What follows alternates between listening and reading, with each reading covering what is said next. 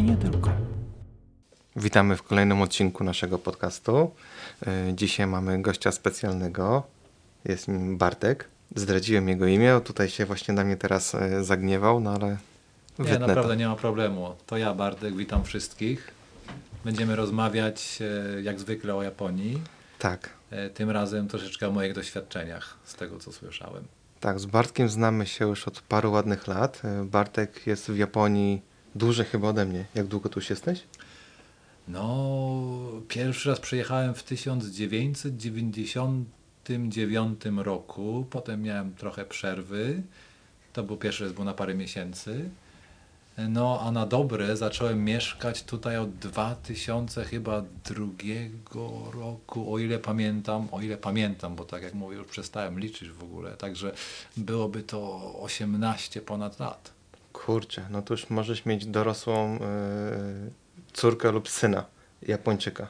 Zgadza się, zgadza się. Chociaż to Mam nie ogranicza to, że musisz mam być dzieci, Japonii. Moje dziecko starsze jest prawie dorosłe, prawie dorosłe, niedługo będzie e, szło na studia.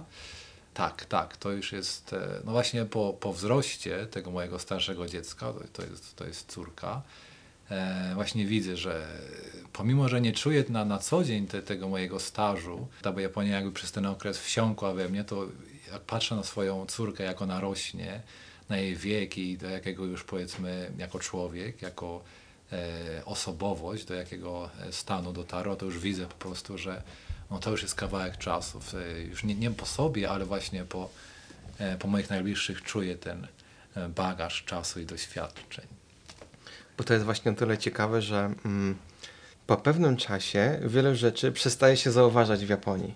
I nieraz jak spotykam e, jakieś osoby, które przyjechały na przykład na wycieczkę, zadają mi pytania, jak się mieszka w Japonii. To jest chyba jedno z najbardziej najtrudniejszych pytań, bo dla mnie już wiele rzeczy jest tak normalnych, że ich nie zauważam, albo nie zwracam na to uwagi, albo jestem tak przyzwyczajony, a inni osoby mówią, kurczę, ale to nie wiesz, że na przykład, nie wiem, pociąg przyjeżdża, zawsze tutaj się zatrzymuje. No tak, ale to tak chyba wszędzie jest, nie? I zaczyna się przyzwyczajać do pewnego poziomu i później, gdy jak na przykład wracamy do Polski, to jest ten szok, że o kurczę, ten pociąg jednak się tak nie zatrzymuje, albo czegoś nie ma. A co jest? Co było dla Ciebie takim największym szokiem, jak na przykład jedziesz teraz do Polski po tych wielu latach w Japonii? Co jest takim rzeczą, która Ci się najbardziej rzuca w oczy? Co jest inne? To jest e, dobre pytanie, ale też trochę trudne, dlatego że, no tak jak mówisz, do pewnych rzeczy, e, do pewnych standardów, e, no, my jak to ludzie, jeżeli jest coś łatwiejsze, jeżeli jest coś bardziej wygodne, to to, to się do tego szybko przyzwyczajamy, szybko to akceptujemy, a potem, e, jeżeli musielibyśmy nagle tych miłych rzeczy, do których się przyzwyczailiśmy, my musielibyśmy je odrzucić, to to psychicznie dla nas jest o wiele trudniejsze. I dlaczego to jest trudne pytanie? Dlatego, że no tak, jak, tak jak mówisz, pociągi funkcjonują na czas, ludzie mają bardzo dobre maniery, wszędzie jest czysto i bezpiecznie. Mm, Jest coś takiego, nie wiem czy nasi słuchacze prawdopodobnie oglądacie trochę różne filmy na YouTube i, i słuchacie ich różnych podcastów, oglądacie zdjęcia na internecie, więc wiecie co to jest e, japońskie konbini, czyli convenience store. Tutaj na każdym praktycznie rog, rogu, w, w każdym e, co większym mieście są takie sklepy, gdzie można kupić coś do jedzenia, można zapłacić podatki, można sobie coś wydrukować i całą masą innych serwisów można e, brać udział w różnego rodzaju e, konkursach, kupować ku- kupony i tak dalej. Są takie tam maszyny, można pieniądze z automatów, e, z ATM-ów wyjąć i tak dalej, i tak dalej. To jest bardzo wygodne, to jest wszędzie. Dlatego do takich rzeczy się szybko przyzwyczajamy i to jest fajne. Natomiast ta Polska, z której ja wyjeżdżałem 18 lat temu i ta Polska, do której, której ja odwiedziłem, zwłaszcza po dłuższym czacie nieodwiedzania Polski, i to było chyba 8 lat, ten najdłuższy okres, w którym ja nie odwiedziałem Polski. I tam zauważyłem, że w Polsce się odbyło masę rzeczy i wiele z tych rzeczy, e, nie wiem, lepsza, lepsza infrastruktura, właśnie w, e, punktualniej, może do japońskich standardów jeszcze nie dotarliśmy, ale trochę lepiej jednak funkcjonujące pociągi. No i ja przejechałem się pen, Pendolino, e, w ogóle pełen dumy byłem z tego. Nie jest to, prawda, Shinkansen. To właśnie te, tego typu rzeczy, że, że e, Polska właśnie już jakby zrobiła ten e, skok naprzód, jeżeli chodzi o cywilizacyjny od tego czasu. E, no ale jeszcze tutaj do poziomu japońskiego nie, nie dotarliśmy. Zresztą trudno szukać jakiegokolwiek innego kraju na świecie, który byłby na poziomie cywilizacyjnie równym z Japonią. Mhm. Także takie rzeczy. E, może takim, ja bym chciał powiedzieć moich pierwszych wrażeniach tutaj. E, pierwszy, raz, pierwszy mój pobyt w Japonii to dlaczego Japończycy tak szybko się poruszają. Bo Japończycy chodzą szybciej i e, jakby szybciej funkcjonują. Nie no, e, jest jeszcze także Łukasz, który tutaj się śmieje i jakoś deprywuje e, Bartka. Dzień dobry. E, no tutaj muszę się wtrącić, bo ja zawsze mam ten odwrotny problem. Dla mnie osobiście Japończycy opóźniają. To chyba jakiś czarny charakter w jakimś filmie to powiedział, ale tak, tak naprawdę jest. Także znaczy ja z przyjemnością czuję, wysłucham, wysłucham dalszej części wypowiedzi Bartka. No Bartek mówił, że e, chodzą powoli, chociaż ja już się nie zgadzam. E, e, mówi, że chodzą szybko, a moim zdaniem chodzą powoli. Ale dlaczego mówisz chodzą szybko? Znaczy, szybciej się poruszają w takich sytuacjach, w których wy, powiedzmy, wykonują jakieś zadania na, czy tam, na rzecz swojej organizacji, czy powiedzmy w pracy. Naprawdę wydaje mi się, że, że, że w, przynajmniej wtedy w, w, stosunku do Polaków, których widziałem wokół siebie, kiedy mhm. opuszczałem Polskę i to było dawno temu, E, to takie jedno z pierwszych wrażeń właśnie to, że Japończycy się e, szybko poruszają, mhm. szybko reagują, a z druga, z drugiej strony to e, była sprawa dla mnie prawdopodobnie jeszcze bardziej fascynująca niż japońska technologia i infrastruktura, prawda? To była ich umiejętność odczytywania ludzkich emocji i reagowania. Zanim cokolwiek powiedziałem, i to wielokrotnie mi się to rzuciło właśnie w, w, oczy i w ogóle nie tylko w oczy. Japończycy potrafią z atmosfery człowieka wyczuć jego potrzebę i wyjść z jakąś propozycją e, zaspokojenia tej potrzeby, co czyni ich doskonałymi biznes, biznesmenami. To jest jeden prawdopodobnie z sekretów japońskiego biznesu. Nie tylko to, że są bardzo dokładni, pracowici, mhm. ale również to, że potrafią naprawdę dobrze wyczuć e, potrzebę innej osoby i, i, się, i ją zaadresować, czy to przy pomocy odpowiedniego produktu, czy słowa, czy zachowania.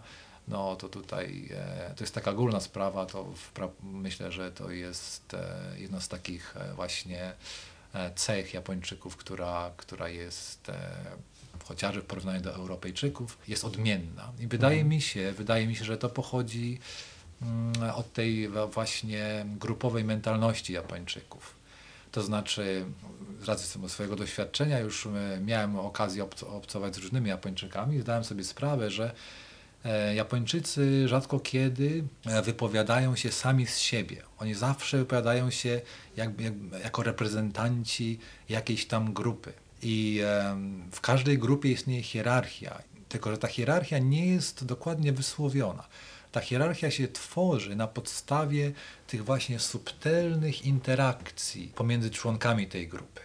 Nie zawsze tak jest, ale, ale w wielu przypadkach właśnie ten zmysł pomaga Japończykom, e, że, że tak powiem, bez problemu funkcjonować w tym społeczeństwie. No i żeby wiadomo, wyczuwać te różnego rodzaju delikatne komunikaty innych członków grupy właśnie no, trzeba o tym myśleć, trzeba się na tym skupić, więc siłą rzeczy wytwarza, wytwarzają sobie tę umiejętność e, właśnie odczytywania ludzkich emocji i to bardzo mnie zafascynowało. Ja to zawsze się śmieję, bo ja sobie czasami wyobrażam e, Japończyków jak taką chmarę ryb płynących e, w oceanie, które tak przykład w kółko się kręcą, nie? I przypływa na przykład rekin i one ze sobą przecież no, nie powiedzą, nie? Ale tak wysyłają impulsy elektryczne, że nagle wszystkie ryby wiedzą, że teraz są w zagrożeniu i wszystkie naraz pyk uciekają, nie? I ten rekin próbuje ugryźć tą, chociaż tą jedną rybkę, nie jest w stanie, bo wszystkie kolektywnie uciekają i to było takie moje też pierwsze wyobrażenie Japończyków, że to jest taka jakby jednolita masa, taka grupa społeczna, tak jak ze Star Treka Borgi, wszystkie połączone ze sobą. Miałem nadzieję, że wiedzą także to samo. Okazało się, że no niestety mm, poziom wiedzy jest im wyżej poziom menadżera, tym mniej wiedzy. E, I było kilka takich e, bardzo małych, e, nie tyle że zawodów, ale rozczarowań, bo wyobrażałem sobie o wiele więcej jakby tych Japończycy, taki ten mit tej pracy, że oni tyle tacy są twardzi. Ja nawet jak byłem mały, to sobie nieraz mówiłem, że nie chciałem się wstać, zgasić światło, mówię, zobacz, a Japończyk by wstał i poszedł i zgasił, nie? Więc to było jedno z takich moich motywacji. Dlatego chciałem przyjechać do tego kraju, zobaczyć to na własne oczy, jak to wszystko wygląda. Ale tak jak mówisz, po tych 18 latach, jakby teraz też pracując w różnych firmach, może zweryfikować to, czy rzeczywiście tak jest, że te pierwsze wrażenia potwierdziły się i faktycznie, no bo też pracowałeś w różnych firmach z różnymi ludźmi. Jak teraz myślisz, że zmieniło się to? Na przykład teraz jest inaczej, że wiadomo, także od, y, otworzyły się także y, granice, pojawiły się smartfony, na przykład młode pokolenie jest zupełnie inne. Ja na przykład miałem dużo do czynienia z takimi osobami y, starszymi, starszymi w sensie z tej poprzedniej generacji. I teraz na przykład ci młodzi, jak nieraz tam, nie wiem, czytam, czy Twitter, czy tam jakieś e, e, rozmawiam, to, to jest zupełnie coś innego. Oni już tak się nie boją tych obcokrajowców, nie reagują na nas tak, że nawet jak powiesz po japońsku, ja, e, ja nie rozumiem angielskiego, no ale ja mówię do ciebie po japońsku, ale ja nie rozumiem angielskiego. Nie ma zupełnie takiego uprzedzenia. Jak myślisz, czy to się rzeczywiście tak zmieniło? E, zdecydowanie tak. Zdecydowanie tak. Ta mentalność, ta tradycyjna japońska, czyli jak to stado ryb właśnie zachowujące się wobec rekina, to faktycznie e, myślę, że to mm, jakby to myślę, że to nie zniknie. Mimo wszystko, pomimo tych wszystkich zmian, które tak jak mówisz, miały miejsce. Japonia się otwiera, troszeczkę nawet nie za bardzo ma wybór, dlatego że mają olbrzymią gospodarkę, a teraz e, populacja bardzo spada i nie za bardzo hmm. będzie miał kto e, to wszystko podtrzymywać, a już nie mówiąc o, o promowaniu wzrostu i tak dalej. Roboty. Roboty i obcokrajowcy, ale to też, e, mimo że, że to otwarcie ciągle postępuje, mimo wszystko roboty to nie ludzie, roboty nie będą powiedzmy konsumować, roboty tak. nie będą jeździć na wczasy i, i jeść sushi, e, tylko będą po prostu wydajnymi pomagierami. Natomiast e, jeżeli chodzi o obcokrajów, to, to, to, ciągle jednak e, dominuje ten model, że no tak, chcemy, żebyście do nas przyjeżdżali i u nas e, pracowali, ale powiedzmy tak na parę lat, potem sobie wracajcie, może się czegoś nauczcie, załóżcie sobie firmy na naszych wzorcach najlepiej w swoich krajach, żebyśmy mogli jakoś tam potem się lepiej ze sobą współpracować na tej arenie bardziej lub mniej międzynarodowej. No coś takiego jest. Natomiast e, jest ten proces, że to jednak się zmienia. Zresztą te e, ostatnie, że tak powiem, decyzje rządu w sprawie emigrantów, to okazuje się, że już teraz można nie tylko przyjechać samemu do pracy, ale również wziąć ze sobą rodzinę. E, zmienia się jakość kontraktu, zmienia się e, sposób, w jaki mhm. obcokrajowcy są e, traktowani, zwłaszcza ci Azjatycy, bo jeżeli chodzi o Europejczyków, to włączę w to Polaków oczywiście, choć jesteśmy nieanglojęzyczni, to jednak jesteśmy traktowani w podobny sposób co Niemcy, powiedzmy, czy Amerykanie traktowanie powiedzmy Europejczyków czy białych e, obcokrajowców tutaj i obcokrajowców e, powiedzmy z południowej Azji czy Chin troszeczkę się różni, no ale to wiadomo, historia jest, tego kraju jest długa, e, ma wiele zakamarków i, i no, trudno by było tu być e, kilka podcastów należy, należałoby na ten temat spędzić mówiąc o tym, e, to jest zresztą bardzo ciekawy temat, no ale mniejsza z tym, także z jednej strony właśnie to, to mentalność tego stada, gdzie któryś z moich znajomych, uczonych znajomych powiedział, że każda grupa ma swoje epicentrum. Mhm. I to się właśnie pokrywa z, z twoją e, teorią e, Marek tego, tego rybiego stada właśnie w oceanie uciekającego przed, przed rekinem czy jakimś innym niebezpieczeństwem. I wszyscy jakby odczuwają, odbierają mniej lub bardziej subtelne komunikaty tego epicentrum, ci wszyscy, którzy e, są członkami tej grupy i dostosowują się tak, żeby po prostu, to jest właśnie też e, japoński zen i to, co akurat ja praktykuję, to jest japońskie aikido, to jest właśnie to, żeby idealnie połączyć się z emocją, nawet przekroczyć słowa. Jest coś taki koncept w, w kulturze japońskiej, który się nazywa kotodama, który chyba można przetłumaczyć jako ducha słowa, czyli ta emocja, ta wola, która jeszcze nie uzyskała żadnej formy, czy to ruchu, czy to słowa. I właśnie Japończycy koncentrują się na tym, żeby to uchwycić.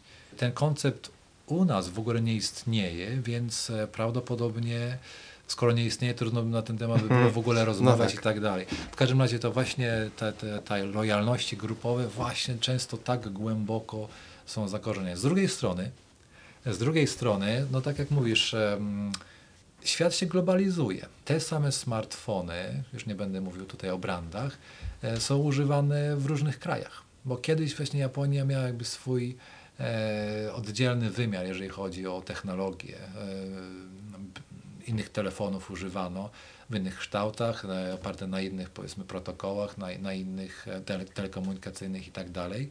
Teraz to wszystko się do siebie upodobniło i e, smartfony, włączywszy w to e, również aplikacje, które są używane, e, no i również media społecznościowe i tak dalej, no to wszystko nas ze sobą bardzo zbliżyło. I nawet jeżeli mówimy innymi językami, to poruszamy się jakby po tej samej platformie. I to właśnie jest głównym przyczynkiem, e, dlaczego Japończycy w coraz większym stopniu, również Netflix jest tutaj bardzo ważny, dlaczego Japończycy no, podoba im się i w coraz większym stopniu mhm. używają e, tego kontentu, który, który e, jest dostępny i u nas, i mniej więcej w tej samej cenie. I, i generalnie ogólnodostępny można powiedzieć.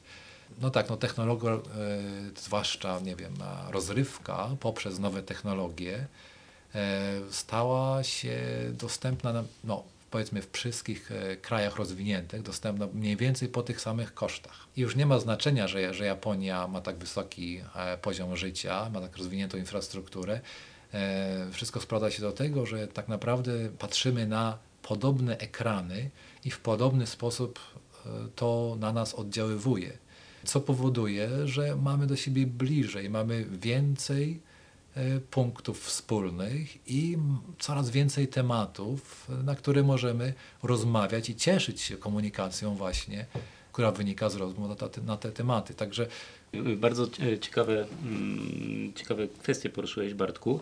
Chciałem tylko skomentować, bo z naszej, y, twoja wypowiedź jest jakby z naszej strony, wypowiedzią naszej strony. Natomiast z punktu widzenia Japończyka, y, wydaje mi się troszkę to, y, dla nich to jest właśnie zawalenie się pewnego świata, którego oni do tej pory znali. No, na przykład smartfony, tak? Czyli czy, te wszystkie mm, serwisy platformowe, które są takie same na całym świecie. Do tej pory tego Japonia nie było. Oni się szczycili tym, że byli inni. Tutaj nie wiem, czy słyszeliście pojęcie Galapagos, które obowiązywało w Japonii, ciągle jeszcze trochę obowiązuje. Ich komórki, ich systemy komunikacyjne były zupełnie inne od, całej, od reszty świata. To bardzo im utrudniało życie w wielu, w wielu dziedzinach, w wielu, w wielu aspektach ale z drugiej strony jakby było też takim powodem do dumy. Ha, bo my mamy inne komórki, my jesteśmy inni, my to robimy na swój sposób. A teraz się nagle okazało, że oni w pewnym sensie przegrali tę walkę y, i musieli się dostosować do, do reszty świata. To, i, I tu wydaje mi się, że z ich punktu widzenia to jest taka trochę właśnie no, przegrana. Ja nie zapomnę, jak przyjechałem pierwszy raz 15 lat temu, miałem mój telefon komórkowy, który miał telewizor, kartę zbliżeniową, miał internet, yy, miałem yy, Yahoo Ketai, czy mogłem płacić. I ja opowiadałem o tym w Polsce, że yy, mój telefon tyle rzeczy może zrobić i mam normalnie przekładany ekranik, wyciąga się antenkę, mogę oglądać telewizję, bo mój ekran jest Sharpa Aquosa. To mi mówi, to się pokali w głowę, że w ogóle o czym ja do nich mówię, nie? I patrząc z tej perspektywy, gdy myślałem potem, jak wypuszczono iPhone'a, mówię, iPhone nie ma szans w Japonii. To jest zbyt proste, to jest zbyt prymitywne. To w ogóle klawiatury, jeden przycisk, nie ma telewizji, nie ma karty zbliżeniowej, yy, nie ma jakichś tylu aplikacji, to tutaj jest, to jest jakaś w ogóle amatorka, nie da rady. A jak potem nagle się okazało, że yy, iPhone został wielkim hitem w Japonii, wtedy tylko SoftBank go sprzedawał, yy, kolejki były tak wielkie, że no, ja sam kupiłem iPhone'a wtedy. Chciałem zobaczyć, co to w ogóle jest. I ciągle uważam, że tak jak Łukasz powiedział, Japonia gdzieś w pewnym momencie się zgubiła, bo właśnie jakby zmieniła się ta technologia i już te inne nie było na tyle atrakcyjne, jak te, które jest tak, jak wszyscy inni mają, nie? A z jednej strony Japończycy chcą być tacy trochę jak Amerykanie, tacy, tacy europejscy, tacy cool, dlatego na przykład nieraz w niektórych piosenkach jest piosenka po japońsku i nagle jest pięć zdań po, czy tam wyrazów po jest, angielsku. Jest nie? coś ta, takiego autentycznie. Tutaj, e, jeżeli chodzi o ten iPhone, o ten boom iPhone'owy, mm. tutaj chciałbym dodać parę słów. E, faktycznie, to było proste i nawet z tego co pamiętam, to były wywiady z różnymi rodzaju no, korporacyjnymi, grubymi rybami, w tym czasie i, i właśnie mówi, podobne sądy. I jakby Japonia szła dalej w tym kierunku swoim i tak jak mówiłeś, no wymieniłeś tutaj masę funkcji, które twój telefon posiadał w ówczesnym czasie. Który Mam go do dziś w ogóle.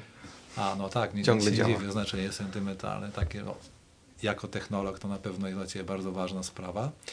Z drugiej strony Japonia wypuszczała na rynek w tym czasie telefony, no bo doszła już do takiego poziomu, że no cóż mogę robić bardziej, cóż, cóż mogę robić dalej, no tylko dodawać coraz więcej funkcji, co jest, czego e, drugą stroną, niestety tą ciemniejszą, jest to, że telefony są, st- robią się skomplikowane i dla przeciętnego użytkownika niezrozumiałe. I to właśnie chyba w, te, w tego Tak. rodzaju sentyment uderzył Apple z tą swoją prostotą, z tą swoją, e, nie wiem, przyjaznym interfejsem, łatwym w obsłudze i tak dalej. Jednym Tak. przyciskiem. Jednym przyciskiem Jeszcze właśnie. inna kwestia, że te wszystkie funkcje, które były w starych japońskich te- telefonach, to były funkcje mm, nadane przez inżynierów konkretnych firm. firm.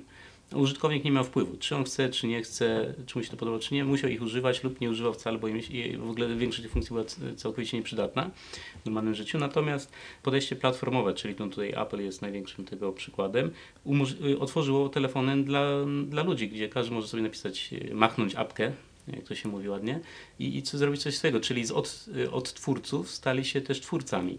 I to chyba chwyciło w Japonii. No to jest świetna sprawa. To właśnie e, serwisy platformowe mają to do siebie, że łatwiej można w nich ucz- uczestniczyć.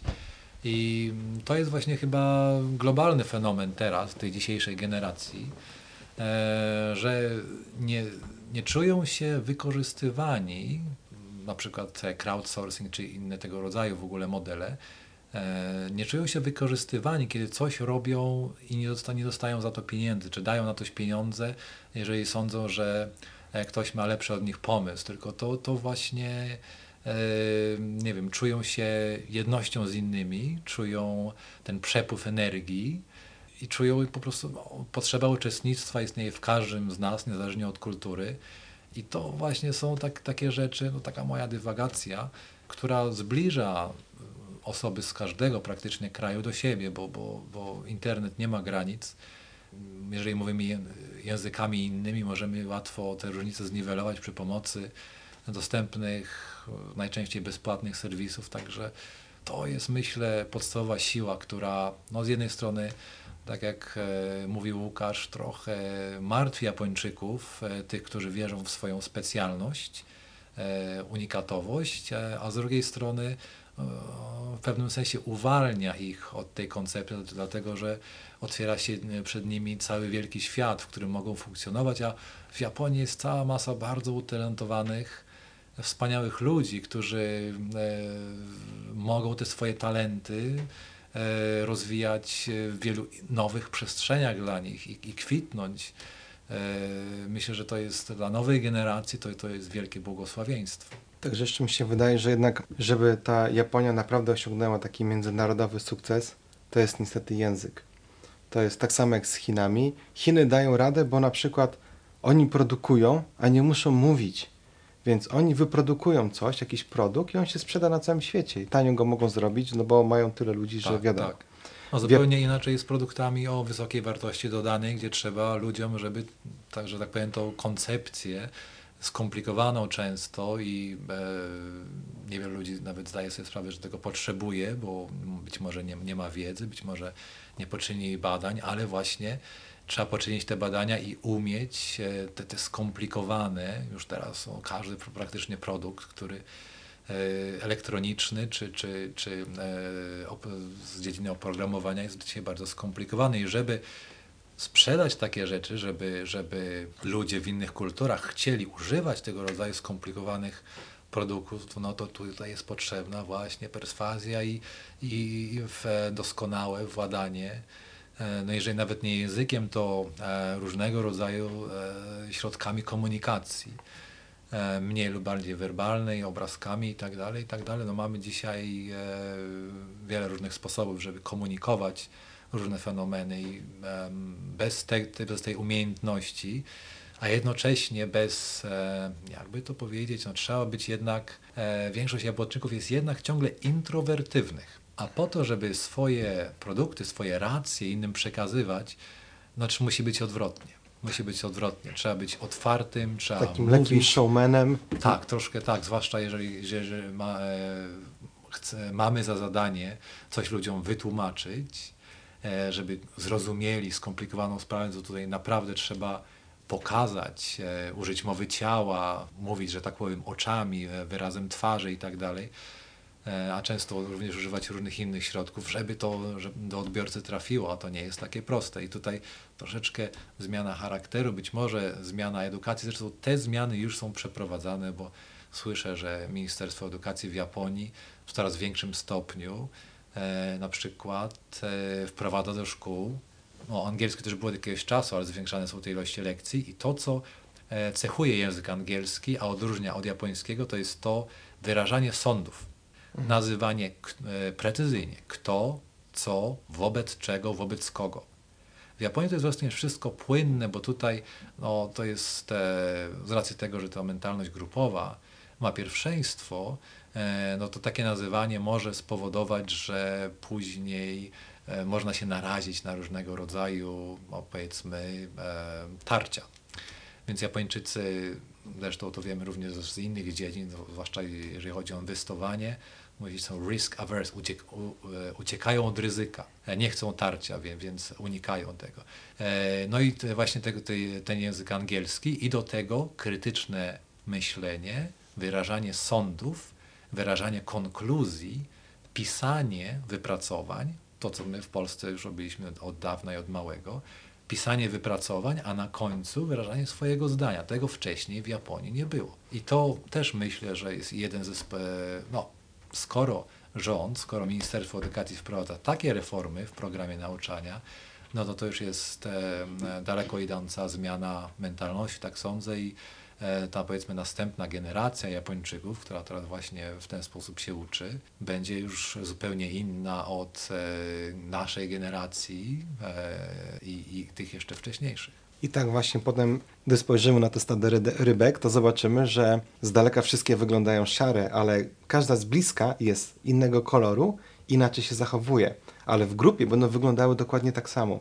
I mi się teraz także wydaje, że jak się spytasz e, kogoś o opinię, to tak jak powiedziałeś na samym początku, jest ta hierarchia i ci na niżsi no, nie będą wyrażać, oni będą to trzymać w sobie. I potem też się robią różne frustracje, potem się robią różne jakieś tam, nie wiem, e, dewiacje, zboczenia, bo gdzieś to musi z człowieka wyjść, prawda? Tak, to musi znaleźć ujście, no nie sposób po prostu, jesteśmy tylko ludźmi. No, mm, nie jest tajemnicą i myślę, że nasi słuchacze, jeżeli e, myślę, że interesują się z, e, Japonią do tego stopnia, żeby wiedzieć, że są tutaj takie na przykład fenomeny jak karoshi, to jest ta ciemniejsza trochę strona Japonii, czyli śmierć z przepracowania. E, No nawet właśnie te lojalności grupowe, a, a raczej tarcia związane, związane z tym powodują, że E, Też parę filmów na ten temat było. No, dzieci na przykład e, w gimnazjach rzucają się z dachów szkół, popełniają samobójstwa. E, No i fala, to tak zwane znęcanie się nad słabszymi, czyli idzime, to się nazywa w Japonii, czyli tych, którzy, że tak powiem, nie potrafią czytać atmosfery. W Japonii się ich nazywa KY. I to są osoby, które są piętnowane. E, Co jest jeszcze piętnowane, tak jak wspomniałeś właśnie, to jest ważna sprawa, no, e, jeżeli wszyscy się poruszają wedle tego epicentrum, to stado rybek, to wszyscy wygląd- wyglądają na szare, ale potem się okazuje, jak się dobrze przyjrzeć, że, że każda, e, że tak powiem, może świecić inaczej wedle swojego orygina- oryginalnego blasku. I to jak do tej pory właśnie, to też e, japoński system edukacyjny też e, taką właśnie politykę uprawiał, że coś takiego jak charakter, coś takiego jak osobowość, to nie jest coś, na co należy zwracać uwagę. Jeżeli ktoś bez porozumienia z grupą, z racji tego, że ma taki czy inny charakter, wypowiada się na forum, no to to było piętnowane i to czasem nam naprawdę mogło to doprowadzić również do, do takich sytuacji, o których właśnie wspomniałem przed chwilą. Także tak różna w swoich korzeniach jest, jest to kultura i, i takie właśnie tutaj występują fenomeny, których, których w Europie zasadniczo nie, dostarcz, nie, nie doświadczamy, nawet słów na nich nie ma, dlatego że nie były na tyle wydatne, żeby ktokolwiek chciał je definiować w ogóle. Właśnie to jest ciekawe, że w Japonii w zasadzie wiele rzeczy, takich ludzkich zachowań ma jakąś swoją nazwę albo mm, ma jakiś odpowiednik. No, tak jak u nas, no, śmierć z przepracowania, no to jest jeden wyraz na to i jakby już nie trzeba więcej tłumaczyć, prawda? Hmm. Z drugiej strony także, przyjeżdżając tutaj jako turysta, nagle nas szokuje, wiele rzeczy po prostu my nie rozumiemy, nie? Bo jakby nie mamy tego mm, zaplecza, tej wiedzy, skąd się jakby to wszystko wzięło, dlaczego oni tak się za zachowują. Wiele osób próbuje jakoś tak się dostosować, niektórzy chcą być bardziej japońscy niż e, Japończycy i to też nie zawsze się wszystkim y, y, udaje.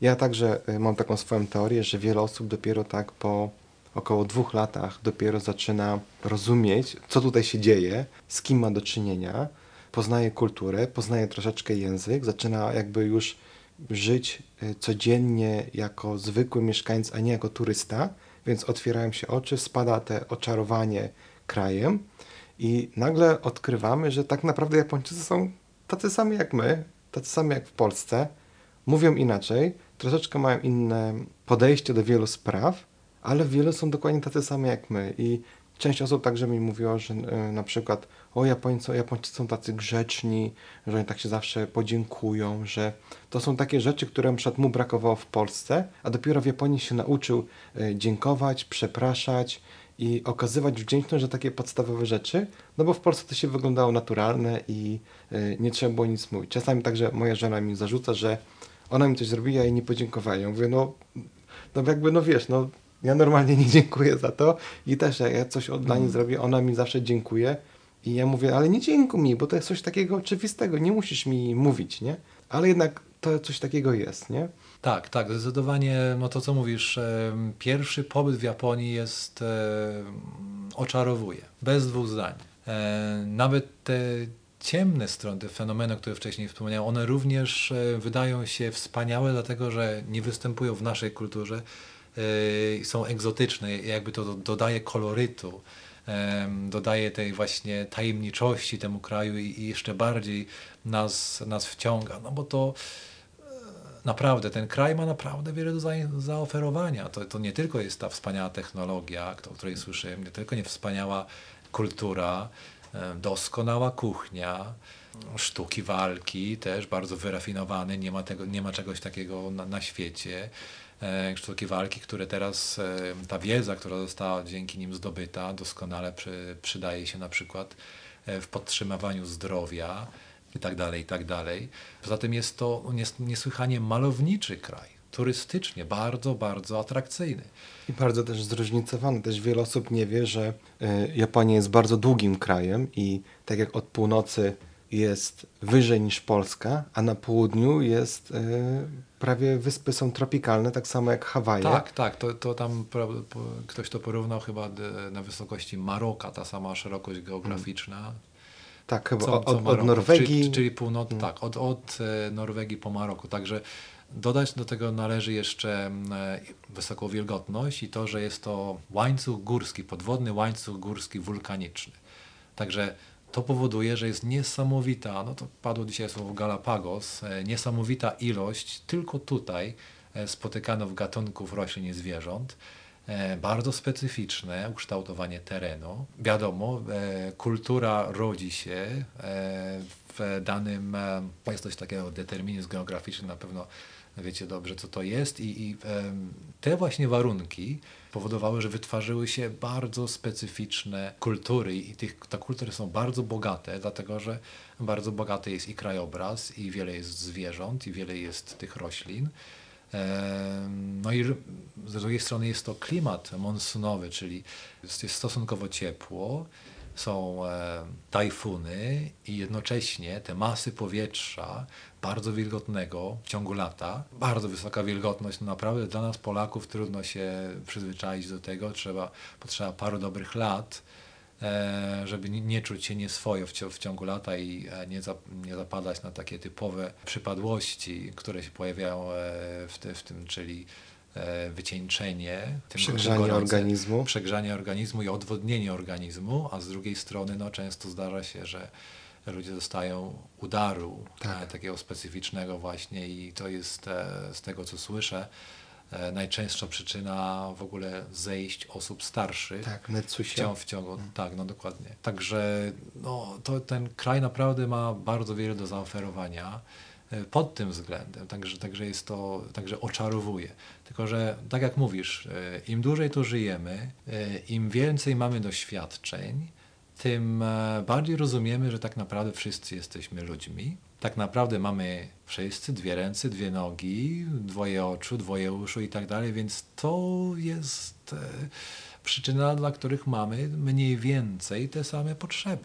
My je inaczej komunikujemy, bo wychowaliśmy się w zupełnie innym miejscu. Bo tak jak mówiłem, jakby były te kultury, no, część, najważniejsza część japońskiej kultury to jest ta, która jest rodzima dla Japończyków. Oczywiście Japonia przyjęła i buddyzm, buddyzm i, i e, japońskie pismo, i e, koreańską, e, koreańskie garncarstwo, ale, ale tak naprawdę e, to e, któryś chyba z badaczy Japonii nazwał e, niezmiennym wewnętrznym jądrem tego kulturowego organizmu, to się ma dobrze i to tak naprawdę nigdy nie zniknie. Tylko, że to wszystko właśnie to, co nas cechuje i, i Japończyków cechuje jako ludzi, definiuje jako ludzi, tutaj zawsze jest jakaś możliwość połączenia. Tylko, że tak, właśnie ważne jest, e, bo ja sądzę, że wielu z, nas, z naszych słuchaczy będzie chciało odwiedzić kraj kwitnącej wi- wiśni czy kiedyś w swoim życiu między innymi dlatego e, słuchacie e, naszej audycji tutaj, żeby się nie dać za bardzo oczarować. Oczywiście trzeba być zafascynowanym i bo tak jak mówię, jest to kultura, która jest e, no, niesamowicie obezwładniająca i czarująca, tylko żeby to, przez tą zasłonę dymną trochę przejść i e, żeby starać się podłączyć do tego, co właśnie nas łączy, a nie dzieli. Jeżeli mamy takie tego rodzaju e, intencje, oczywiście nikogo nie, e, nie raniąc, z, z nikim tutaj specjalnych, żeby tarcia nie było, bo to Japończycy, jak już przejście dzisiaj, tego bardzo nie lubią. Do tego potrzebne są doświadczenia. Podróże po Japonii, uczenie się języka japońskiego oczywiście bardzo pomaga. E, funkcjonowanie w japońskiej przestrzeni z Japończykami. To wydaje mi się bar, bardzo ważne a także robienie no, takich, taka najkrótsza droga, przynajmniej dla mnie, to, która pozwala e, nie wiem, odczuwać japońskie emocje bez konieczności używania słów, robienie czegoś japońskiego, jak na przykład jakaś sztuka walki, jak e, na przykład e, układanie kwiatów i kebana ta sztuka. No, czy cała masa tych, tych sztuk tutaj jest. E, Dla mnie to akurat było aikido. Nie, nie wszystkim to, to może się podobać, chociaż aikido jest, słyszę, bardzo popularne na świecie. To może być judo, to może być karate, jakiekolwiek inne sztuki. Tylko, że dla mnie aikido jest dość dobre, bo jest e, pokojowe bardzo. Oczywiście jest to sztuka walki, tylko to nie polega, polega bardziej na kontroli niż, e, niż na bezpośredniej, że tak powiem, walce. Dlatego, że tak powiem, koszty podłączenia się do tych emocji są, są najniższe. No i jest cała masa rzeczy, które można robić. Można, młodsza generacja najprawdopodobniej będzie zainteresowana japońskimi grami, czy anime, czy modą, czy muzyką, która też jest specyficzna, która doskonale się sprzedaje tutaj w Azji. W Europie też do pewnego stopnia, tylko że to e, zależy prawdopodobnie od kraju. Też jest e, cała gromada prawie że fanatycznych e, zwolenników właśnie tych, tych now, nowych, nowych rzeczy. Także jeżeli mamy takie naprawdę zainteresowanie i chcemy dłużej, że tak powiem, żeby Japonia została nam w sercach i być może, żebyśmy mieli jakiś, że tak powiem, funkcjonujący związek Japo z Japonią przez dłuższy okres, a może nawet przez całe życie, to poza e, właśnie tą e, mentalnością grupową, którą trzeba będzie zrozumieć, tylko że to jest trudne i to się, ja nie będę To jest ukrywał. proces po prostu. To jest proces, bo to nie można tego e, przyswoić od razu, przy, przybywając, z, sądzę, z jakiegokolwiek europejskiego czy w ogóle zachodniego kraju tutaj. Trzeba, to są tak jak warstwy, tak jak mówisz, proces, są po prostu kolejne stadia. Przyswajamy e, jakąś tam rzecz, jakiś tam fenomen, dopiero potem ktoś, zawsze się znajdzie ktoś, kto nas, e, no, no właśnie, to jest właśnie też ciekawe, e, zawsze się znajdzie jakiś przewodnik. Zawsze się znajdzie osoba, która wyczuje ten etap, na którym jesteśmy i poprowadzi nas do następnego.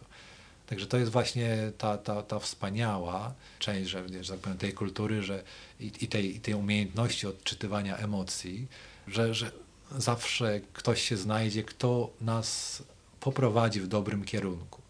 Nie wszyscy są dobrymi przewodnikami, ale my będziemy wiedzieć. Bo to jest właśnie to takie głębokie połączenie i to się jakoś intuicyjnie czyni, tylko że ja nie za bardzo chcę o tym mówić, dlatego że jak zacznę się o tym rozwodzić, to to będzie kłamstwo. Tak, nie, nie, nie, nie, to nie będzie kłamstwo. To będzie prawda o Japonii, ale twoja prawda, która może być A moją właśnie. prawdą zupełnie inną. Zgadzam się, dokładnie. I ja czasami także się spotykam z takimi opiniami, że na przykład mówią, że o, w Japonii nikt nie mówi po angielsku. A ktoś inny mówi, kurna, ja byłem w Japonii, słuchaj, kogo bym się nie spykał, wszyscy mówili po angielsku. Inna osoba mówi, Japonia to jest cały beton, to wszędzie jest beton, tutaj w ogóle nie ma zieleni. A inny mówi, jaki beton? Wystarczy 15 minut od Tokio wyjechać, jesteś w górach, y, godzinę jesteś nad y, oceanem, wsiąść w Shinkansen i nagle jesteś y, w zupełnie innej, w innym zupełnie krajobrazie, więc wszystko tak naprawdę zależy. I ja także mówię, że Japonia tak naprawdę nie jest jedna. Japonii jest tyle, ile osób w niej mieszka, ile było tutaj przyjezdnych, bo to, co ty mówisz, jest prawdą y, dla ciebie, to, co ja mówię, jest prawdą dla mnie. Jest wiele rzeczy wspólnych, które my razem stwierdzimy, że rzeczywiście to samo żeśmy zauważyli, więc możemy powiedzieć, że o tak chyba jest, nie? Bo skoro my dwóch, trzech, pięciu zauważyło, to może coś z tym być. I tak samo jak nieraz właśnie wspominam dla moich nawet japońskich znajomych o tym właśnie stadzie ryb, e, że Japończycy tacy właśnie mają takie pole siłowe między sobą, że właśnie idąc na przykład ulicą, nikt tam bar, bark, w bark się nie uderzy, że wygląda takie niewidzialne pole siłowe, że jednak takoś miną, nawet patrząc te swoje smartfony, w ostatniej chwili jakoś e, zrobią ten unik, więc gdzieś to takie te... Mm, jest coś takiego niewidzialnego, coś niesamowitego, jest że im dłużej się tutaj mieszka, jako turysta ja czasami czuję, jakby to powiedzieć, nie tyle e, żal, ale czasami turyści, którzy tutaj przyjeżdżają, e, są na tyle krótko, że gdy dopiero zaczną odkrywać albo poznawać pewne rzeczy, już muszą wyjeżdżać. I przyjeżdżają, dlatego ich to właśnie wciąga, bo przyjeżdżają ponownie i chcą dalej kontynuować, odkrywać to, nie? E, Coś ciekawego e, poznawać. Dlatego, tak jak mówisz, można się zauroczyć tym krajem. Im dłużej się tutaj przyjeżdża, no, odkrywa się także jeszcze inne rzeczy, nie? Dokładnie, bo no to co mówiłem, doświad dlatego właśnie, dość, żeby mieć pełnego, to chyba nawet sami Japończycy, nie ma takiej osoby, myślę, która miałaby pełny, pełen obraz Japonii, e, bo tak jak mówisz, jest, jest, tylu, jest, jest tyle Japonii, jest Japończyków, natomiast e, zbieranie różnego rodzaju doświadczeń, E, Lojalność grupowa, o której tutaj e, wielokrotnie mówiliśmy dzisiaj, powoduje, że mm, jest troszeczkę tutaj jednak presja, żeby robić również w czasie wolnym, w związku z zainteresowaniami, czy, czy, czy nie wiem, stosunkami z, z innymi ludźmi, zachowywać się w ten mniej więcej sposób, który zachowują się członkowie grupy. Żeby, I to, to jest e, też e, dla nas nie zawsze do zaakceptowania, ale my jak, jako obcokrajowcy tutaj w pewnym sensie, no skoro jesteśmy e, zainteresowani, zauroczeni tym krajem, jesteśmy pewnego rodzaju również z jednej strony badaczami tego kraju, a z drugiej strony, z- ze względu na jeszcze jednak rzadkość Polaków e, w porównaniu do innych nacji przynajmniej, bo jest nas tutaj teraz kilkuset chyba, tak? E, Tak, tam Polaków. chyba około No, Ile? niecałe. Ponad tysiąc. No, wzrosła to jedna populacja, ale to, to i tak nie da się porównywać na przykład do ilości czy Amerykanów, czy Niemców, czy Brytyjczyków tutaj. Lub E, Chińczyków. No, już nie mówiąc o Chińczykach, już nie mówiąc o Chińczykach i, i innych e, azjatyckich nacjach. E, jesteśmy również ambasadorami tego kraju. Wiadomo, każdy amba- ambasador musi wiedzieć, z, z jakiego e, rodzaju ludźmi się styka i e, umie, musi umieć, e, że tak powiem, pozyskać te informacje. Dlatego, żeby umieć podłączyć się do tych ludzi, zdecydowanie potrzebne są doświadczenia. Doświadczenia.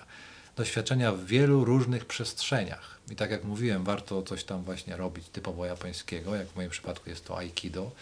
E, warto e, zwiedzać różne regiony tutaj. I dlaczego różne regiony? Bo my często myślimy o regionach tak trochę prawdopodobnie w sposób polski al- albo europejski, wyobrażając sobie właśnie kraj jako um, szeroko otwartą przestrzeń. Natomiast Japonia ma, to jest zlepek małych przestrzeni, małych, bardzo partykularnych i bardzo odrębnych przestrzeni. Stąd to jest między innymi źródło właśnie tej mentalności grupowej. No, y, jesteśmy w tej przełęczy, tak historycznie mówiąc, y, mamy takie a takie opady, tutaj taka taka góra jest, takie a takie szkodniki mieszkają. Jest to e, specyficzne ekwilibrium, którego my jesteśmy częścią.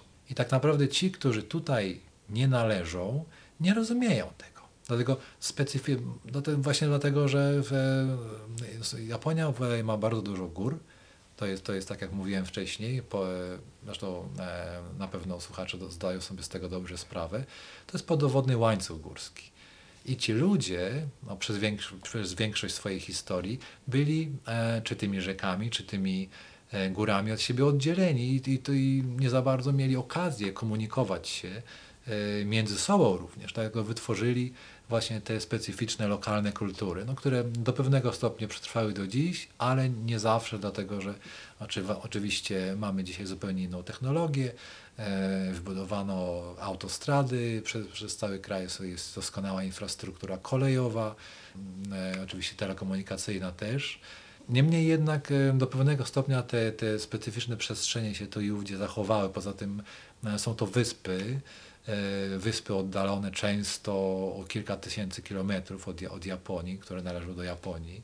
Tam też znowu istnieje specyficzny, specyficzny klimat, i specyficzny język, specyficzne budownictwo, specyficzna architektura.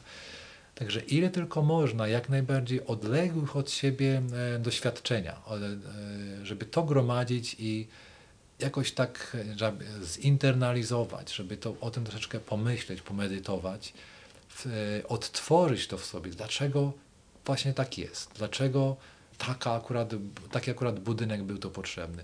Dlatego, dlaczego ci ludzie w ten sposób się zachowują, a nie inaczej. I tak dalej. No, dlaczego ruch, dlaczego to są bardziej popularne rowery, a tam motocykle, skoro, skoro i tak to jest możliwe i tak dalej.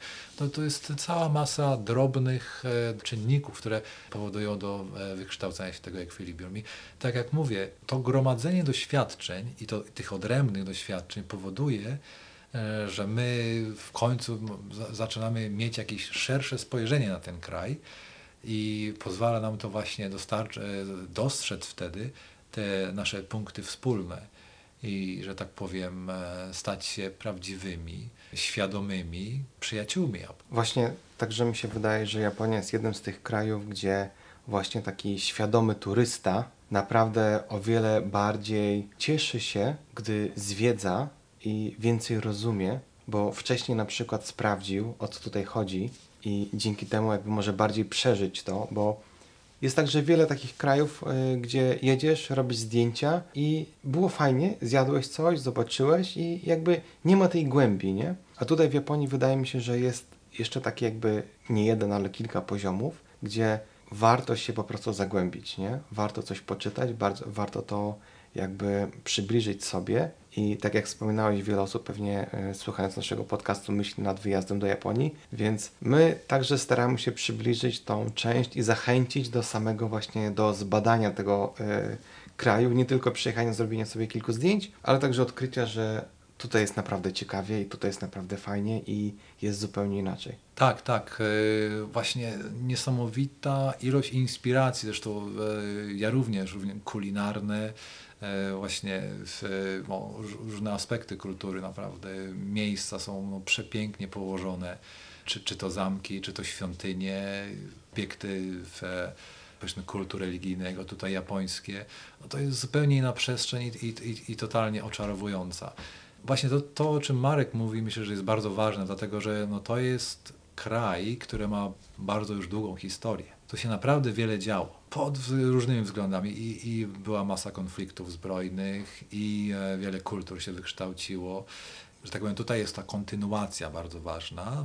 To jest kumulatywny proces historyczny, który powoduje, że w Japonii, jeżeli nadchodzi jakaś nowa fala, czy to nowe, spowodowana nową technologią, czy kolwiek inspirowaną zmianą sposobu myślenia ludzi, nie jest burzone to, co było wcześniej, to, to co jest właśnie domeną e, kultury, kultury europejskiej. co jest w pewnych aspektach korzystne, w pewnych nie. Tutaj cały czas te rzeczy, które były dawniej, one istnieją w jakiejś tam formie, być może okrojonej. Jak się poszuka, jeżeli się trochę pouczy, można odnaleźć właśnie te ślady tej e, Japonii sprzed kilku tych, e, no, powiedzmy, paradigm shiftów, pozostałości w takiej czyli, bo e, Japończycy właśnie swoją historię bardzo cenią i bardzo o, o nią dbają, zwłaszcza w takich ośrodkach właśnie jak Tokio, czy Kyoto, czy Nara, to, to jest wszystko doskonale zachowane. I jeżeli jesteśmy świadomym turystą, jeżeli mamy no może nie aż tak dogłębno, bo, bo, bo to naprawdę jest tego ogrom.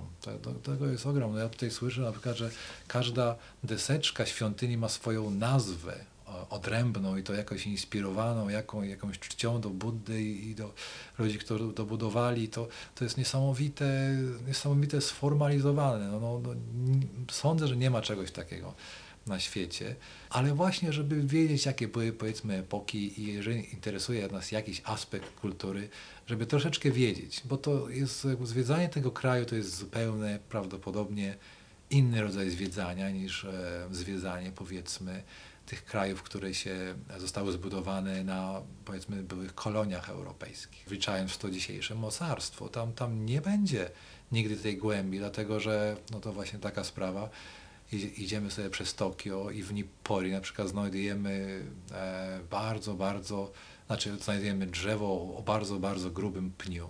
I zdajemy sobie sprawę, że to drzewo ma wielokrotnie starsze niż Stany Zjednoczone. I że ono tutaj cały czas było i e, ta cywilizacja, która tutaj się kształtowała, się ewoluowała. Wiele z, wielu z tych ludzi, którzy tutaj żyli i patrzyli na na to drzewo, jak ono się zmieniało ono żyło razem z nimi, nikt go nie ściął. Co oni sobie myśleli w ogóle o nim, jak, jak ono oddziaływało, że tak powiem, na myślenie tych ludzi. Ludzie powiedzmy 1600 lat temu prawdopodobnie myśleli, że to, że, że to jest Bóg, bo, bo tak na tym polega religia shintoistyczna, prawda? Fenomen, fenomeny naturalne są, są bóstwami.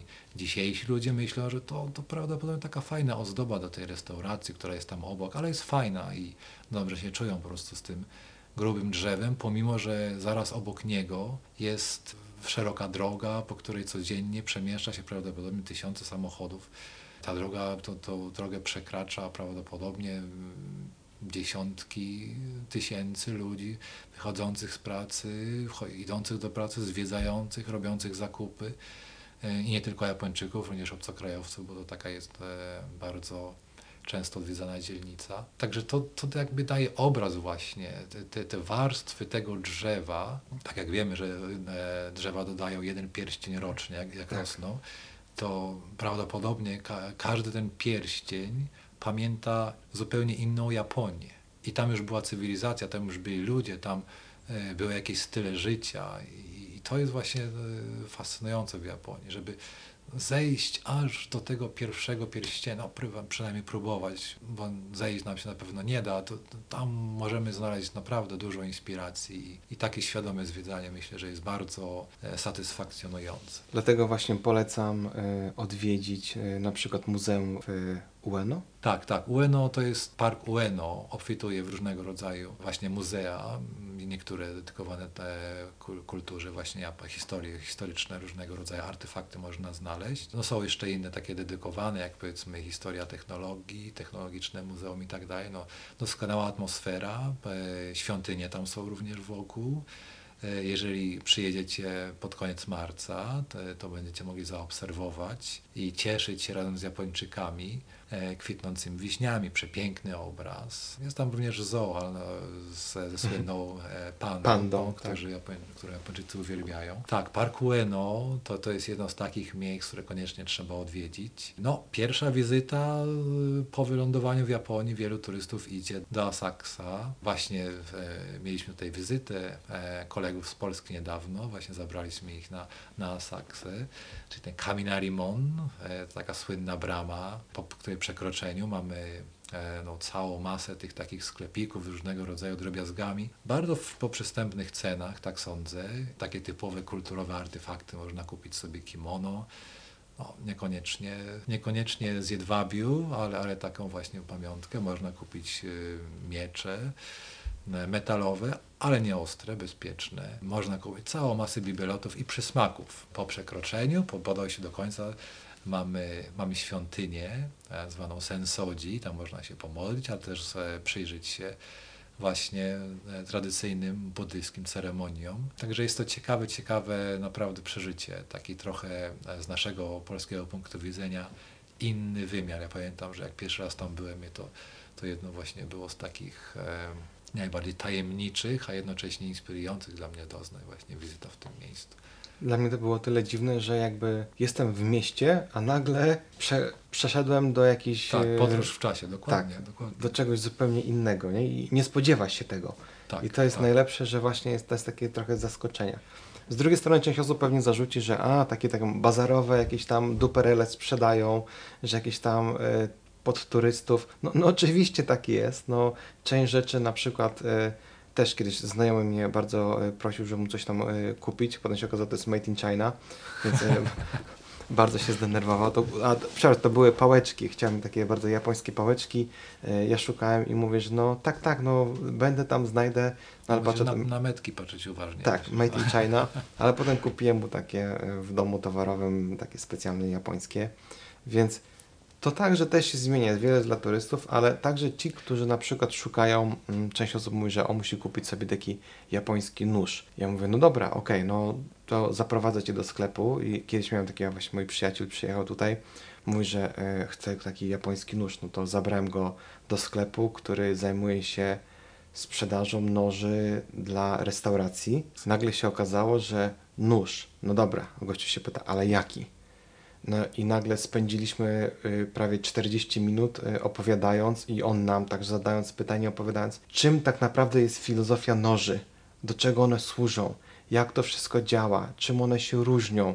I prawie po godzinie stwierdziliśmy, że my tak naprawdę za mało wiemy, żeby kupić japoński nóż. I to brzmi śmiesznie, ja wiem, że to brzmi takie no wariaci, nie? No poszli te, no kupuje się tam, wybierasz tam, nie wiem, e, ogólnozadaniowe najdroższe, a okazuje się, że właśnie nie ma takich ogólnozadaniowych, więc ten cały nasz mistrz stwierdził, że dobra, no to zawęzimy to tak, że chcecie kroić mięso czy warzywa, czy ryby? E, warzywa, no dobra, warzywa kroicie twarde czy miękkie, przed gotowaniem czy po? Dobra, przed. Surowe czy nie surowe? Okej. E, Bardziej okrągłe czy bardziej e, prostokątne? No, e, różne. No dobra, czyli to będzie ten. I tak się skończyła w ogóle, e, w ogóle cała nasza jakby taka, naprawdę godzinę żeśmy rozmawiali z tym gościem. Fajnie, bo on mówił też po angielsku. No tam łamliwym angielskim, no ale ja na szczęście dałem radę e, przetłumaczyć to, co się nie udało e, z japońskiego. I mój przyjaciel wyszedł przeszczęśliwy. Nawet kupując ten jeden nóż, który wydał tam prawie trzymany, czy tam mm, prawie ponad 1000 złotych, on był przeszczęśliwy, bo mówi, nie spodziewał się, że odkryje zupełnie nowy świat, o którym nie miał pojęcia. I ja mam wrażenie, że w Japonii jest wiele takich rzeczy, że tak jak na przykład wszyscy mówią o tej e, ceremonii herbaty. To także jest bardzo dobry przykład, bo się, a co tam, zalejesz, wypijesz, usiądziesz, nie, i po sprawie jest. Nagle się okazuje, że każdy ruch, wszystko ma jakąś swoją nazwę, wszystko to się skądś bierze. Ja jestem już na tym etapie, że zadaję pytanie, dlaczego? Dlaczego pani tak usiadła? Dlaczego pani ma taki strój? Nagle mówię, o, pierwszy, który zwrócił uwagę, że strój jest inny. No tak, no ja od razu to zauważyłem, no ale ja już jestem tyle lat, że już zauważam takie rzeczy. Albo na przykład jak jest walka sumo, ja także jestem w stanie teraz już rozpoznać, że ten mnich, który jest sędzią, on inaczej jest ubrany w zależności od tego, jacy zawodnicy walczą. Albo kiedy ta walka jest, w której części. Y, Ja już teraz zwracam uwagę na detale i to daje nagle, że za każdym razem odkrywam coś zupełnie innego, zaczynam się w tym zagłębiać i mówię, kurwa, no życia zabraknie, żeby to wszystko y, poznać, więc ja teraz przyjąłem sobie taką zasadę, że robię sobie takie tematyczne y, miesiące. Czyli na przykład jeden miesiąc zagłębiam się w jakiś temat i próbuję jak najwięcej o tym się nauczyć, przeczytać, e, dowiedzieć, odwiedzić, spotkać, coś dotknąć, namacać i dzięki temu także czuję się, że no, zrobiłem ile mogłem, więc jakąś wiedzę na ten temat mam. I czasami mnie mierzi to, że jest wielu takich właśnie e, turystów, którzy przyjadą tutaj mm, na tydzień czy na dwa, na przykład raz w roku i tak on już jest szósty raz tutaj w Japonii, no i on, tak, on już jest ekspertem, bo on wie lepiej jak Japończycy robią, myślą albo coś i on starać to się wyjaśnia innym, ale znów on nie mówi po japońsku. To budzi E, wiele nieporozumień, no dokładnie. Tak, i jest, y, to jest ta prawda, jego prawda, nie?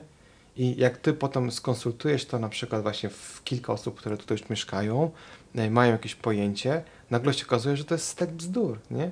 Ale wiadomo, internet przyjmie takie rzeczy. Im bardziej są skrajne opinie, tym szybciej one się jakby roznoszą i internet to wszystko przyjmuje i są potem podtrzymywane, robi się cała masa mitów i znów jest takie jakieś wielkie niezrozumienie i wiele osób także ma takie Co jest jakieś bardzo niebezpieczne oczywiście. ma także potem rozczarowanie, że a, jego Japonia nie zachwyciła, no bo on tu przyjechał e, na przykład na tanio, e, nie pomyślał nawet albo nie poszukał, e, że można zjeść bardzo dobre rzeczy bardzo tanio, taniej nawet niż w Polsce, że na przykład, nie wiem, można zjeść bardzo dobre bento e, za mniej niż 20 zł czy za 30 zł, można pójść także do bardzo dobrej, smakowitej restauracji, ale to trzeba sprawdzić, bo on przyjechał pierwszego, czy tam e, przez pierwsze trzy dni wydał cały budżet, jaki miał, no bo, no bo no, nie zrobił pierwszego takiego rozeznania, nie? No dokładnie. No, w, em, zróżnicowanie Japonii to, to również e, właśnie zróżnicowanie, żeby tak odnieść się do tego ostatniego wątku, o którym mówiłeś,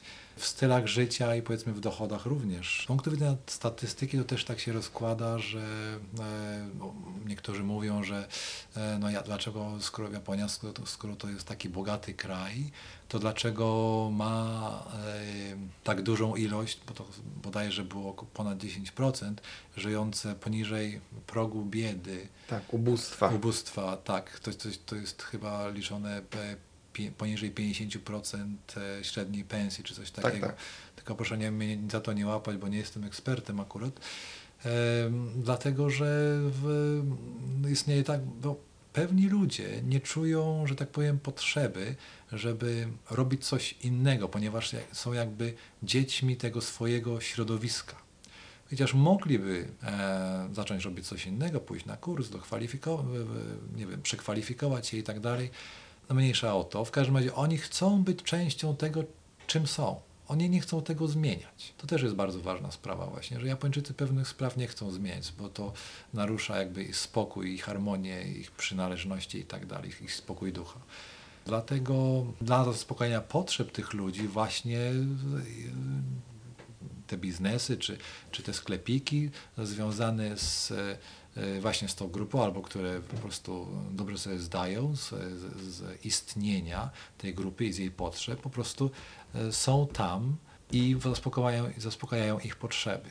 I są najczęściej od dawna. I do, w takie miejsca, mogą to być izakaje, czyli na przykład japońskie puby, e, obcokrajowcom e, niezwykle trudno jest wejść, dlatego że, że oni e, nie szczególnie rozumieją e, ten właśnie, nie wiem, od dawna istniejący lokalny kolory. To tak ostatnie tylko, dla- dlatego właśnie e, istnieją również e, bardzo tanie rzeczy, można kupić tanie rzeczy. I ale- dobre. I dobre, i, i doskonale, nie wiem, pe- spełniające swoje funkcje, swoje przeznaczenie, a z drugiej strony można kupić rzeczy e, niesamowicie drogie, i tylko, które tylko specjaliści mogą zrozumieć, dlaczego to aż tak tyle kosztuje. No, dla- dlaczego wspomniana dzisiaj e, przez Ciebie, Marek, e, ceremonia herbaciana, tam właśnie jedną z, tak powiem, z przyjemności, które, które się doznaje podczas właśnie tej ceremonii he- herbacianej, jedną z atrakcji, to jest właśnie rozwodzenie się na tym, jak piękne są naczynia.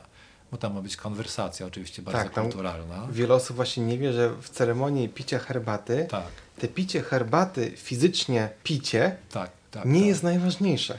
Tak, no generalnie to e, ceremonia herbaciana to tak jak e, e, sztuki walki czy inne, to zawiera się tam, że tak powiem, droga. To jest droga, którą trzeba przemierzać, jak się na nią wstąpiło, trzeba przemierzać aż do końca, bo to nas łączy, no, no to jest jeszcze się wywo- wywodzi z, z, chyba z Chin, to jest dosyć stara ideologia, że to jest długa droga, którą trzeba przemierzać aż do końca i która, dzięki której my rośniemy, stajemy się coraz bardziej świadomi i która, no tak właśnie, skoro łączy nas z bóstwem, to łączymy się w ten sposób z kosmosem. To jest taka właśnie no, japońska, nie wiem czy to należy klasyfikować jako buddyzm, prawdopodobnie nie, ale to, to w tym istotny element japońskiej mentalności, tak sądzę. Czyli znajdujemy właśnie to z drugiej strony, odnosząc się do twojej rozmowy o nożach na przykład, to, to ten człowiek, ten człowiek, z którym rozmawiałeś, z całą pewnością e, myślał nad tym, udoskonalał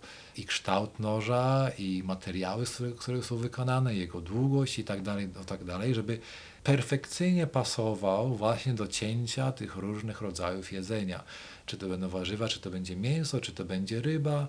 Oczywiście do tego na pewno opracował dokładnie technikę cięcia, z jaką prędkością, czy należy e, ciąć samą ręką, czy na przykład należy e, rękę przykleić do swojego boku i, i lekko poruszać biodrami, żeby tak powiem, nie naruszyć struktury e, tego mięsa czy ryby, no, to, to też jest e, naprawdę prawie że duchowe przeżycie, bo to trzeba naprawdę się uspokoić, głęboko oddychać i być w takim medytacyjnym nastroju, żeby poczuć te najsubtelniejsze, co za tym idzie najważniejsze rzeczy w japońskiej kultury.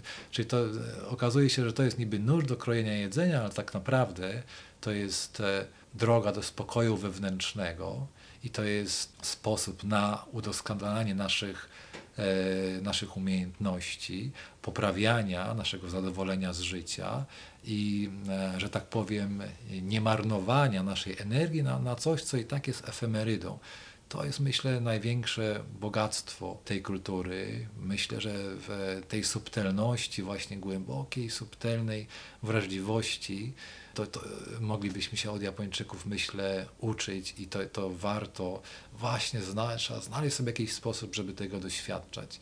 E, myślę, że to jest jeden właśnie z najatrakcy, najatrakcyjniejszych aspektów Japonii, który zresztą e, właśnie dzięki temu, że oni właśnie to osiągnęli, tę swoją głęboką wrażliwość, e, mogli zaoferować światu tak wiele świetnych rozwiązań i to w przeróżnych dziedzinach, w przeróżnych dziedzinach. No to już na pewno słuchacze mają swoją wybraną i na pewno coś tam mogą, mogą swoje własną, swoją własną drogę, swoje własne narzędzie odnaleźć. E, z drugiej strony właśnie to e, wcześniej też mówiliśmy o tym, że e, Japończycy są bardziej introwertywni, a my wręcz przeciwnie. Jesteśmy otwarci, jesteśmy, mówimy prościej, mówimy e, bez aż tak głębokiego pomyślunku, ale jednocześnie szybciej się łączymy z, z innymi osobami. To też jest, ta, ta, introwertywność też właśnie w pewien sposób łączy się właśnie z, to, z, tą, z tym głębokim odczuwaniem i, i z szacunkiem, i, za, i na, e, żeby, nie wiem, dojść do tego, jak, jak tylko najgłębiej się da i żeby odnosić się do właśnie człowieka, do tej jego najgłębszej sfery bo to powoduje, że jesteśmy w stanie najlepiej odczuwać, to była dzisiaj mowa o kotodamie na mhm. przykład, mhm. prawda, naturę tego człowieka i to, czego on, on tak naprawdę oczekuje. I, I wtedy my tak naprawdę, jeżeli doznajemy tego rodzaju połączenia na tym głębokim poziomie, to przynajmniej tak w Japonii jest uważane, że doznajemy największego spełnienia wtedy i satysfakcji jako ludzie, no to też troszeczkę o filozofię trzeba będzie mhm. zahaczyć, bo... To my, chyba w następnym odcinku. W następnym odcinku, tak, tak. Ja bardzo przepraszam, bo to też jeden z moich koników, ale ta właśnie sfera to, to jest, Japonia jest, e, ma tego naprawdę dużo sposobów do dotarcia do właśnie tej, tej, tej spokojnej, głębokiej wrażliwości. Japonia ma tego na, na bardzo dużo. Jeżeli komuś właśnie czegoś takiego potrzeba, to zdecydowanie powinien ten kraj odwiedzić, e, spróbować robić coś japońskiego. Więc będąc e, na wycieczce w Japonii, warto jest spróbować czegoś tak namacalnie, naręcznie, właśnie wziąć udział, czy to w jakimś e, festiwalu, czyli Matsuri, czy y, na przykład znaleźć jakieś miejsce, to co nas interesuje, bo na przykład może nawet nie wiemy, że nas coś może y, zaciekawić, zafascynować. Ja kiedyś y, byliśmy na wycieczce z moją żoną i zauważyłem, że są takie warsztaty właśnie gancarstwa.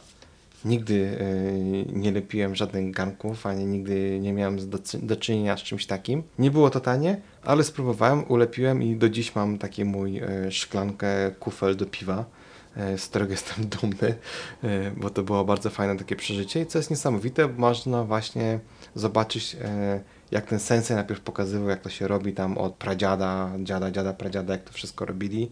Mhm. Zmieniło się jedynie tylko, tak jak ona opowiadała, piec, technologia, można to już zrobić e, natychmiast i za tydzień będę to już miał. Kiedyś to się czekało tam na przykład, nie wiem, e, tygodniami albo miesiącami, żeby to ileś tam tego było odpowiednio e, załadunku do tego pieca, żeby nie marnować tego drewna i, tak dalej, i tak dalej. Więc tak jak właśnie Bartek mówił, warto jest coś namacalnie wziąć w czymś udział i te nasze przeżycia będą takie pełniejsze.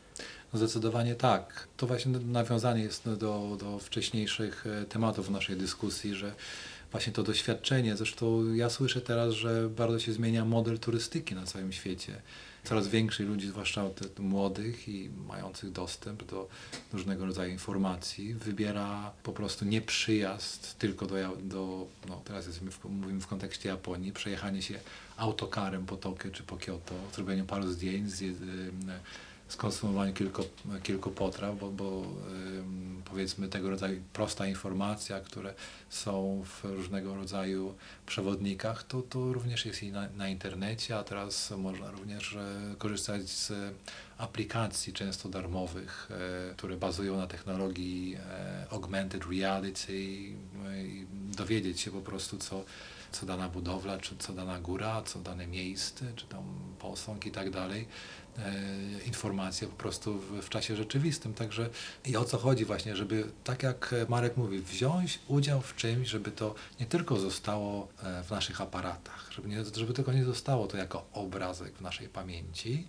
tylko właśnie, żeby poruszać rękami, nogami, słuchać uważnie i robić coś, wykonywać razem z innymi ludźmi. Ja mówiłem wcześniej właśnie, e, że dla mnie takim ważnym aspektem, ważną, e, ważnym środkiem podłączenia się po, e, pod to jakby e, poza słowami to jest, to jest aikido i ja też wielokrotnie i to jest otwarte, to każdy, kto, kto uprawia aikido może wziąć w tym udział. Centrala Aikikai, takiego głównego e, nurtu e, zrzeszenia aikido, e, na, na całym świecie uprawiane, uprawianego, bardzo popularnego jak słyszę, można po prostu odwiedzić to, to centralne dojo.